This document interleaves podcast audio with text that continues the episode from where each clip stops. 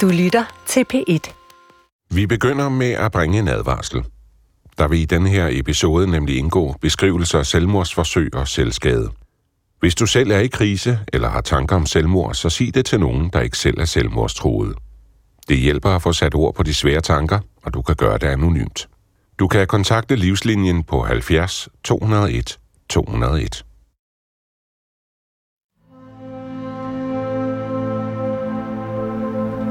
Anne Dorte havde altid skåret i sig selv. Hun havde ar af det. Altså man kunne se det på hendes krop. Og Anne Dorte har haft en lang periode, hvor tingene har været hårde, og der er faktisk rigtig mange af pigerne, som har haft nogle episoder ledende op til det, der så sker med Anne Dorte. Det er 2015, og Cassandra sidder sammen med sin veninde og værelseskammerat Sofie. Lidt længere nede ad gangen bor en ung pige ved navn Anne Dorte. En aften så spiller hun sindssygt højt musik, og det er jo rockmusik, ikke, som det kan høres. Og vi tænkte, altså det er jo lidt underligt, hvem hører musik nu, hvis vi er blevet puttet, vi har sagt godnat, alle er gået på deres værelser. Så øhm, går vi ud for at kigge, hvor det her musik kommer fra. Og så kan vi se, at det kommer fra en Dortes værelse. Så går bare pænt ned på banker på en stør og beder hende om at skrue ned. Øhm, og hun svarer ikke, men jeg tænker, det er fordi, det er så højt. Hun har hørt mig, ikke? Så jeg går tilbage siger til Sofie, det var sgu da mærkeligt. Hun spiller fandme højere musik.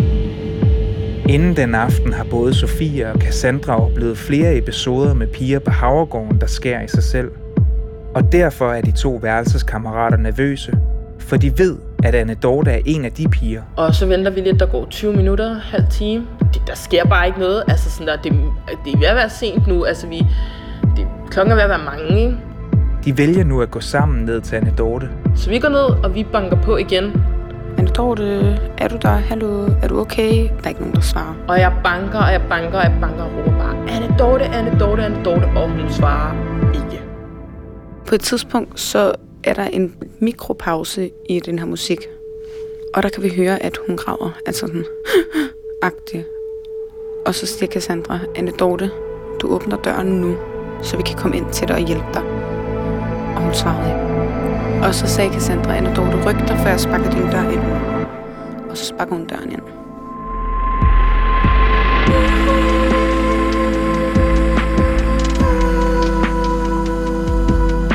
Fra p Dokumentar.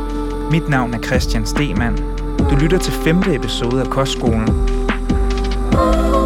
Og i den her episode vil jeg advare om, at der vil blive omtalt selvskade og selvmordsforsøg.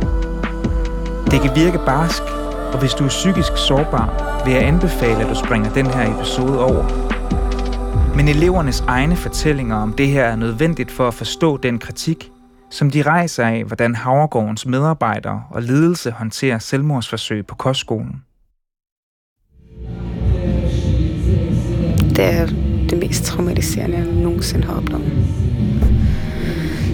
Om aftenen, så når jeg skal til at sove, og hvis jeg kan høre min naboer høre musik, så kan jeg godt få et flashback til den aften. Jeg vågner op om natten smurt ind i sved, og jeg har haft drømt, da jeg så synet af, hvordan hun lå den aften. Man vidste godt, hun skar i sig selv. Øhm, hun var meget indadvendt, og hun var ikke god til store former, og gik meget sådan, du ved, med ærmer, hænderne ind i ærmerne, og sådan var stille, rigtig stille. Det er derfor, at Sofie og Cassandra bliver urolige, da de den søndag aften på skolen hører Anne Dorte spille høj rockmusik. Det ligner hende ikke, fortæller de. De to værelseskammerater er på vej i seng, og de har flere gange forsøgt at banke på Anne Dortes dør, men hun svarer ikke. Og det er altså her, at Cassandra vælger at sparke døren ind til Anne Dortes værelse. Men døren kunne ikke gå op, fordi der var noget bag døren. Det føles som om, at det var et skab, der var bag døren, fordi den, altså, den blev sparket op, men hurtigt røg den i døren igen. Og så åbner Cassandra så døren og ser, at der ligger blod på gulvet. Og så siger Cassandra og Sofie, jeg kan ikke gå herind. Sofie, Sofie, jeg kan ikke gå ind, jeg kan ikke gå ind, jeg kan ikke gå ind. Og Sofie, hun begynder bare at ryste og få det dårligt. Og så øhm, åbner jeg døren og går ind. Og jeg, altså, jeg kunne ikke rigtig komme ind ad døren, fordi der var noget bag døren. Og bag døren, der lå Anne Dorte. Og der er blod overalt. Altså, der er virkelig blod overalt. I hele sengen, i Anne Dortes hår, i hendes hoved. Altså, vi er jo på det tidspunkt 14 og 15 år. Så vi vidste ikke rigtigt, hvad vi skulle gøre til at starte med. Så Cassandra løber ned for at hente en, en pædagog, øh, imens jeg prøver at hjælpe Anne Dorte. Jeg henter nogle viskestykker, putter noget vand på og lægger dem rundt om hendes arm. Øhm, og øh, jeg, altså, tiden gik virkelig langsomt. Og jeg sad med Anne Dorte, og jeg havde lagt hendes hoved på mit skød, øh, og jeg troede virkelig, hun skulle dø. Altså, det eneste, jeg tænkte, det var, at hun skulle dø nu. Så Sofie bliver deroppe, og jeg løber alt, hvad jeg kan fra, fra gruppe 5, som ligger sådan lidt afside fra hovedbygningen, og ned til hovedbygningen. Øhm, og jeg råber bare, Anna Dorte skåret sig selv, Anna Dorte skåret sig selv, der er blod overalt. Kom og hjælp. Ifølge Cassandra og Sofie kommer der en kvindelig ansat op for at hjælpe, men vedkommende kommer ikke med den reaktion, som de to piger regner med.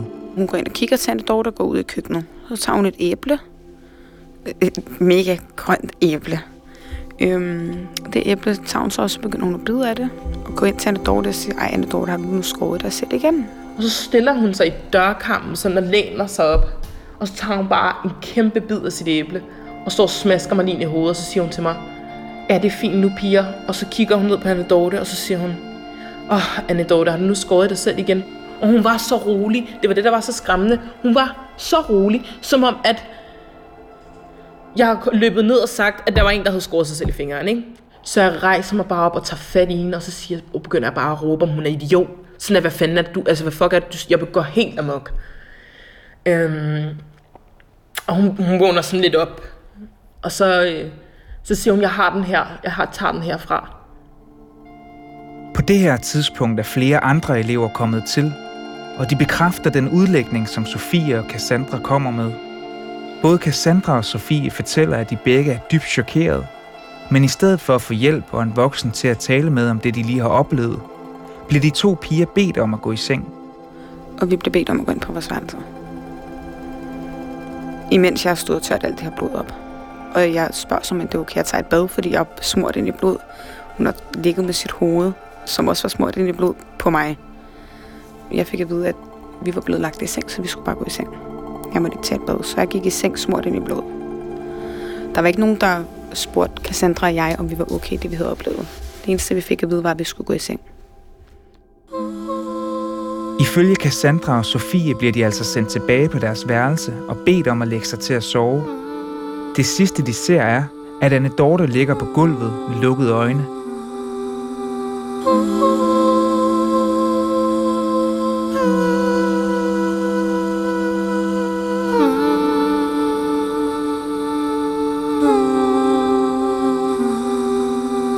lige at sige dit navn. Jeg hedder Anne Dorte.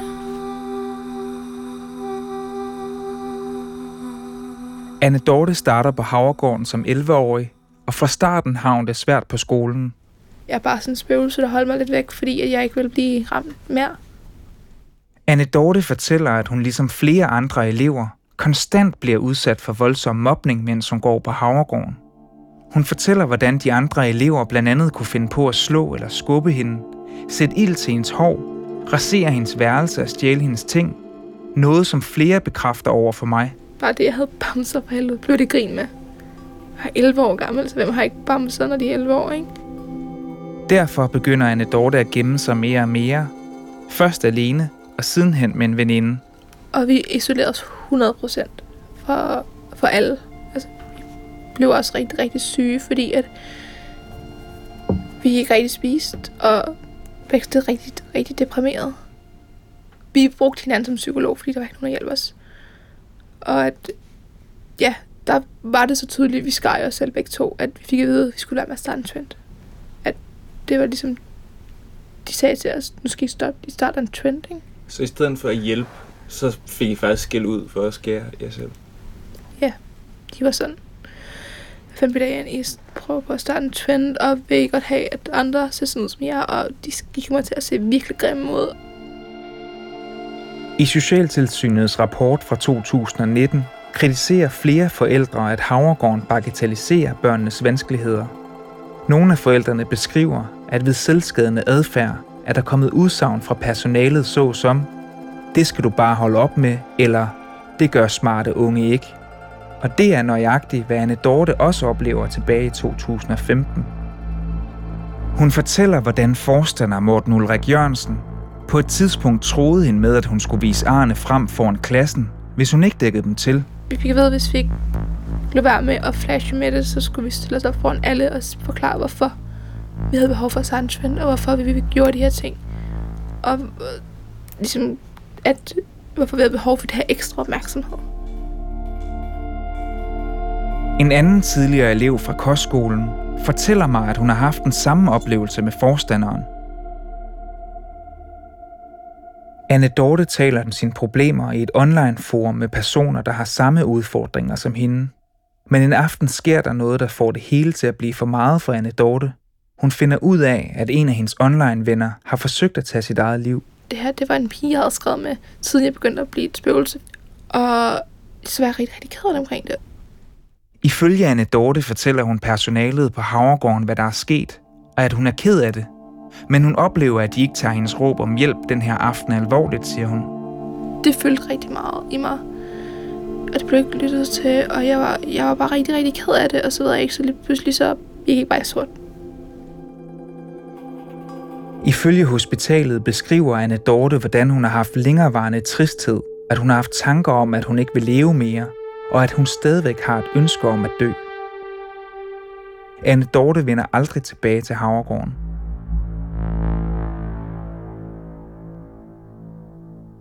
Jeg har talt med den lærer, som Cassandra og Sofie omtaler den aften, de finder Anne Dorte. Læreren ønsker ikke at medvirke i et interview, men hun siger, at hun ikke kan genkende, at hun ikke tog selvmordsforsøget alvorligt.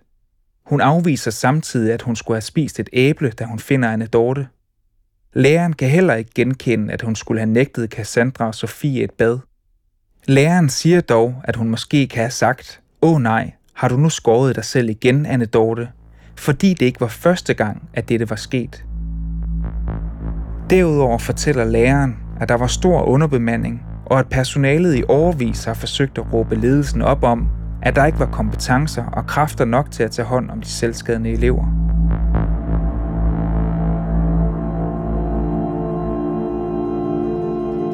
I dag giver Anne Dorte de fem år på kostskolen skylden for, at hun blandt andet har angst, OCD og ar på både krop og sjæl. Ofte kan hun ikke lade være med at spekulere over, hvordan hendes liv havde set ud, hvis hun ikke var endt på Havregården. Jeg tror, jeg kom et sted hen, hvor jeg kunne få lov til at være et barn. Så havde jeg... Ja, det, det havde meget, meget bedre, fordi det, det kunne jeg ikke på Havregården.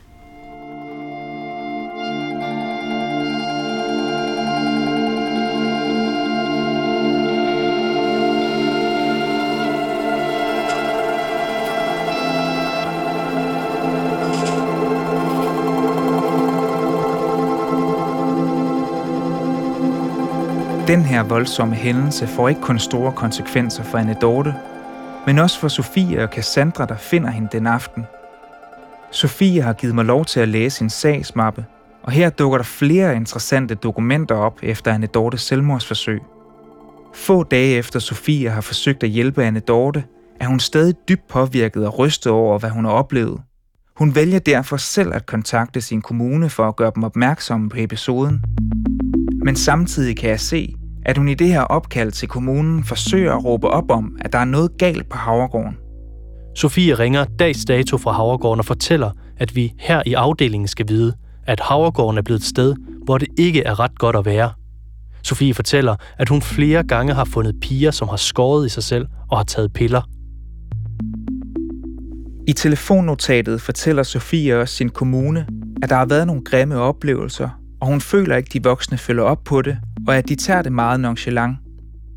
Der står også i notatet, at hun har henvendt sig til nogle af de voksne og skoleleder Morten Jørgensen, og synes ikke, de tager det alvorligt. Sofie fortæller, at det især igennem de sidste år, at det er blevet dårligere at være på Havregården. Og de børn og unge, der kommer der, er meget dårlige.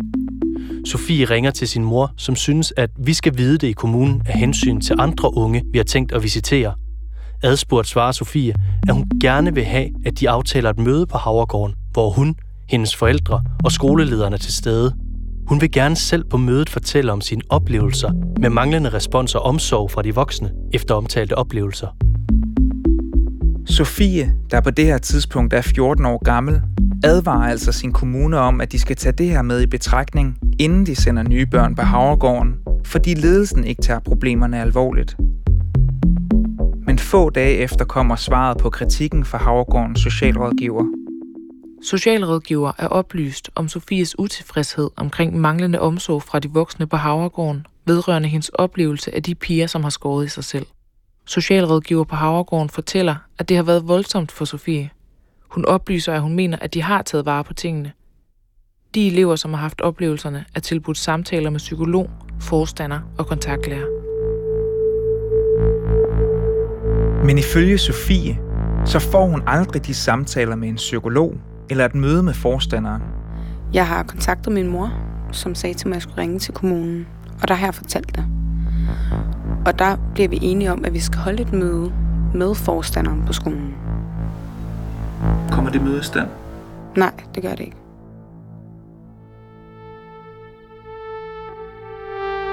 Sofies kommune vælger herefter ikke at gøre mere ved sagen. De skriver i hendes journal, På grund af kommunens socialrådgivers oplysninger og underretningskendskab til Sofie, som i øvrigt stopper på Havregården om kort tid, er det besluttet, at der ikke gøres mere ved sagen. Havregården er meget brugt her i afdelingen, og der har altid været et upåklageligt samarbejde med stedet og ikke modtaget nogen klager. Desuden vurderes, at det er svært at undgå, at der kan opstå sådanne situationer, hvor der er unge anbragt med problemer, selvom Havregården er meget seriøse i deres visitationer. Jeg har forelagt Sofies kommune den kritik, Sofie kommer med.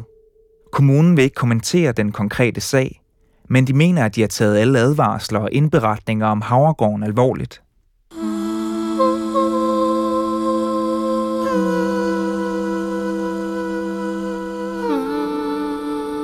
Sofie og Cassandra har ikke set Anne Dorte, siden de fandt hende på værelset den aften. Men de fortæller mig begge to, at de har et ønske om at få fortalt Anne Dorte, at det ikke var hendes skyld, at hun havde det så dårligt, og at hun ikke skal have det dårligt over, hvad der skete den aften på Havregården.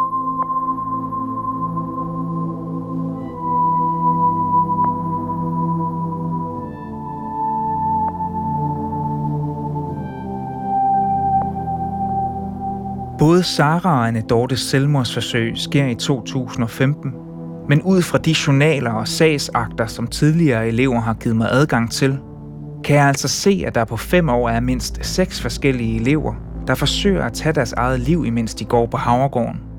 Nogle af dem forsøger at gøre det flere gange. Men når jeg læser Socialtilsynets rapporter, står der intet om, at en række elever har forsøgt at tage deres eget liv. Og det undrer mig. Jeg skriver derfor til tilsynet. Jeg vil gerne vide, om Havregårdens ledelse nogensinde har informeret tilsynet om, at der har været selvmordsforsøg blandt eleverne på Havregården. Svaret, der kommer tilbage fra tilsynet er nej.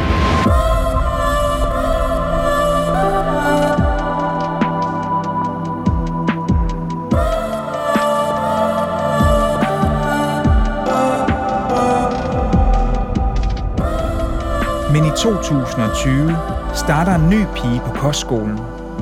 Og hendes oplevelser skal ende med at få store konsekvenser. Både for hende, men også for Havregården.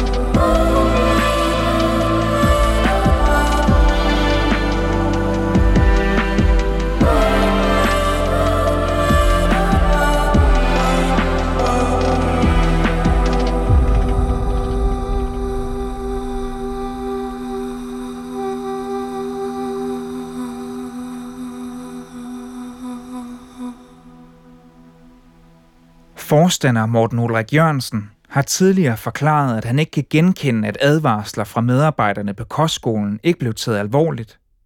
Han har også tidligere erkendt, at det er sket, at kostskolen har optaget børn, der viser sig at ligge uden for kostskolens målgruppe, men at skolen ofte først har opdaget det efter børnene er begyndt.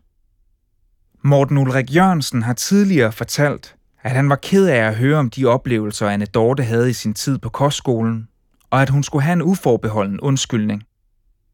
Jeg har samtidig bedt forstander Morten Ulrik Jørgensen om et interview, hvor jeg gerne vil spørge ind til al den kritik, der bliver rejst af medarbejdere, elever og pårørende. Men han er endnu ikke vendt tilbage på mine henvendelser.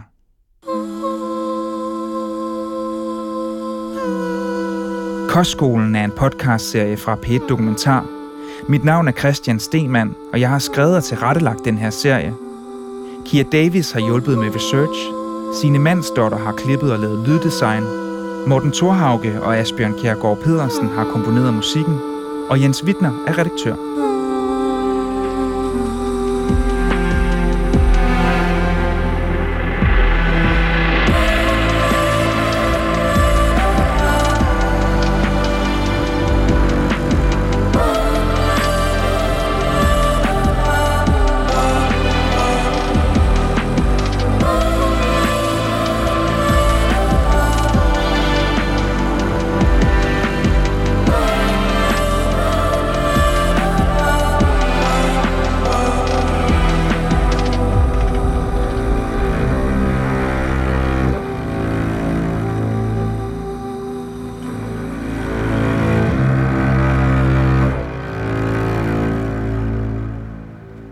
Hvis du selv er i krise eller har tanker om selvmord, så sig det til nogen, der ikke selv er selvmordstruet. Du kan kontakte Livslinjen på 70 201 201. Hvis du vil høre alle episoder i serien Kostskolen, så kan du lige nu finde dem i DR Lyd.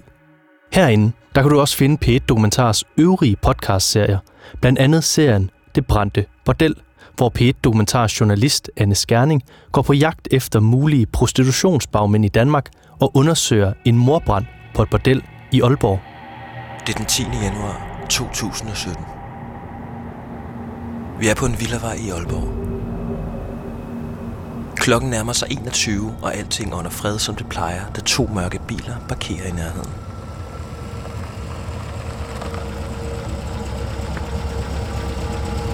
En gruppe mænd stiger ud.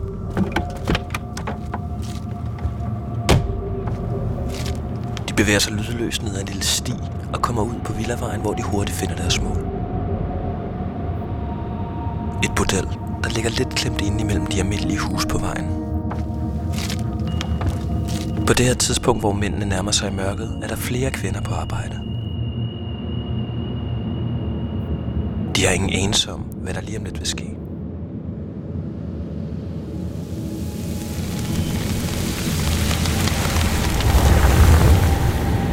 Mændene smadrer ruderne og kaster en brandbar væske ind. Og så kom der ild, kan du tro. Så kom der ild ud. Og vi står med et forholdsvis lille hus, der brænder rigtig meget. Og de havde ikke en chance for at komme ud.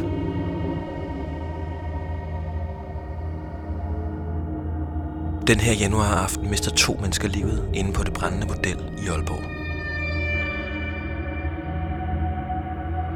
Den ene af dem er en ung polsk kvinde.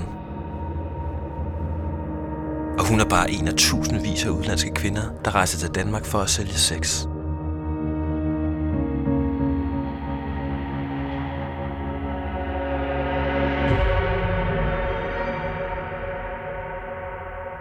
Som undersøgende journalist, så er der to ting, der længe har interesseret mig. Nemlig tvivlsomme pengestrømme og de mørke sider af internettet. Tidligere, der har jeg kortlagt tusindvis af opfordringer til vold og drab på ekstreme netsider. Og jeg har gennemtrålet det mørke net for pædofiliforarer. Jeg har også jagtet østeuropæiske oligarkers pengestrømme gennem Danmark. Men i flere år, der har jeg undret mig over en helt bestemt ting. Nemlig de her escort- og massagesider, der findes i Danmark, som er fulde af udenlandske prostituerede. For hvordan finder de kvinder vej til lige netop Danmark for at sælge sex? Der er ingen tvivl om, at det er enormt kontrolleret. Min erfaring er, at hvis man dykker ned i det hav af data, der findes på nettet, for derefter at lede efter mønstre i alle de her informationer, så kan man nogle gange afsløre ting, der er mega godt gemt. Og jeg har længe spekuleret på, om der findes en måde at kortlægge mulige prostitutionsnetværk i Danmark. Og nu har jeg måske fundet en metode. For i dag, der annoncerer de prostituerede først og fremmest online. Hey frække mænd, velkommen til min verden. Hvad nu hvis jeg indsamler og systematiserer alt det, der står i tusindvis af prostitutionsannoncer på nettet? Du kan se mine billeder her, og de er alle sammen 100% ægte. Kan det så afsløre ukendte prostitutionsnetværk i Danmark? Hun prøvede at søge på alle mulige kombinationer af hendes navn. What? Det er sgu da hende. Kan det lede mig på sporet af mulige bagmænd? Hello? I, I need to talk to... Yes, it's me, yes. Oh, sorry, it's you. Kan sådan en her kæmpe kortlægning lede frem til et svar på et helt centralt spørgsmål? Hvorfor blev et bordel med unge kvinder brændt ned? Oh shit, I know, I know, I know this girl. You do?